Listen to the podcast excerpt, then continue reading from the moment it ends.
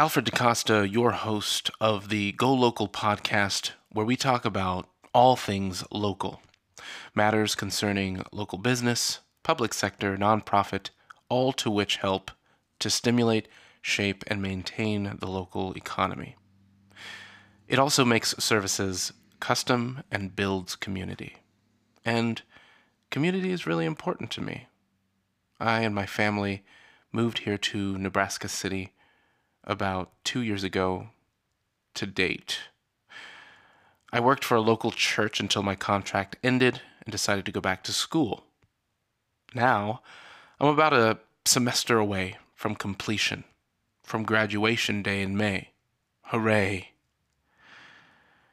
I decided to go into business for myself and family part time for the moment. This podcast actually is brought to you by Colonial Life, who deal especially with local businesses. So here's what you can expect from this show.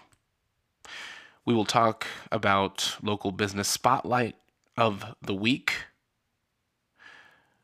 I'd also like to give out some shout outs to the people that I have run into as I've been networking, going from town to town.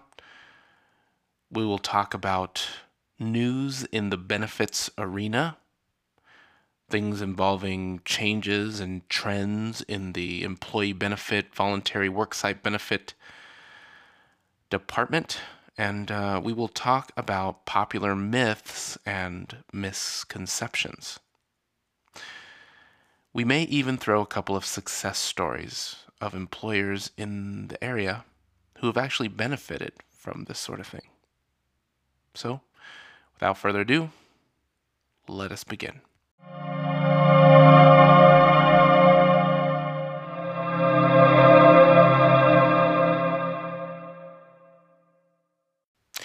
I would like to give out some shout outs. Some of the people I have networked with in the surrounding areas. I want to thank them for their kindness and cordiality, and um, it really gives an idea, especially to those listening as consumers, what kind of treatment they can hope to expect when they come through your front door. I want to give a shout out to Patrick and Meg Kalina at the Tribal Kitchen and Marketplace in Weeping Water. I want to give a shout out to Brett Smith at Nebraska City Physical Therapy in Nebraska City. A shout out to Melody McLaughlin at Region 5 Services Sends in Auburn.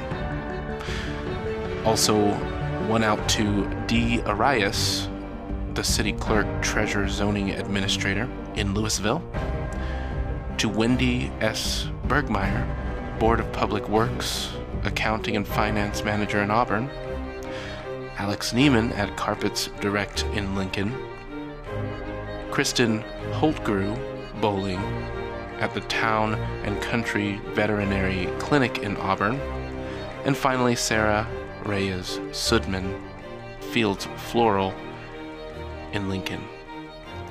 I just wanted to give that shout out to thank you for what you do for the local economy, for your local community. You are the framework of this town. Mostly because you're not just passing through. Some of you have been at it for several years, maybe even grown up in the town you are currently working in. Others newer have decided yet to set their roots for the long run as business owners. Hoping to be as cool as you all someday. I do love meeting new people. These towns are packed with history. At some point, I will be passing through your town again for at least a cup of coffee. Perhaps we could chat. I usually carry my podcast equipment in the trunk and would love to share your story with my listeners. You can go to anchor.fm, A N C H O R.fm, and call into my station and uh, we can set up a time. Or you can just simply call my Google number 402 401 4044. It goes directly to voicemail. and uh, you can share your experience, or we could meet up for a cup of coffee. Well, that's it for now. This is just an introductory episode to let you know what to look forward to only here at the Go Local podcast. Alfred DaCosta, your host, and I'm looking forward to connecting with you shortly.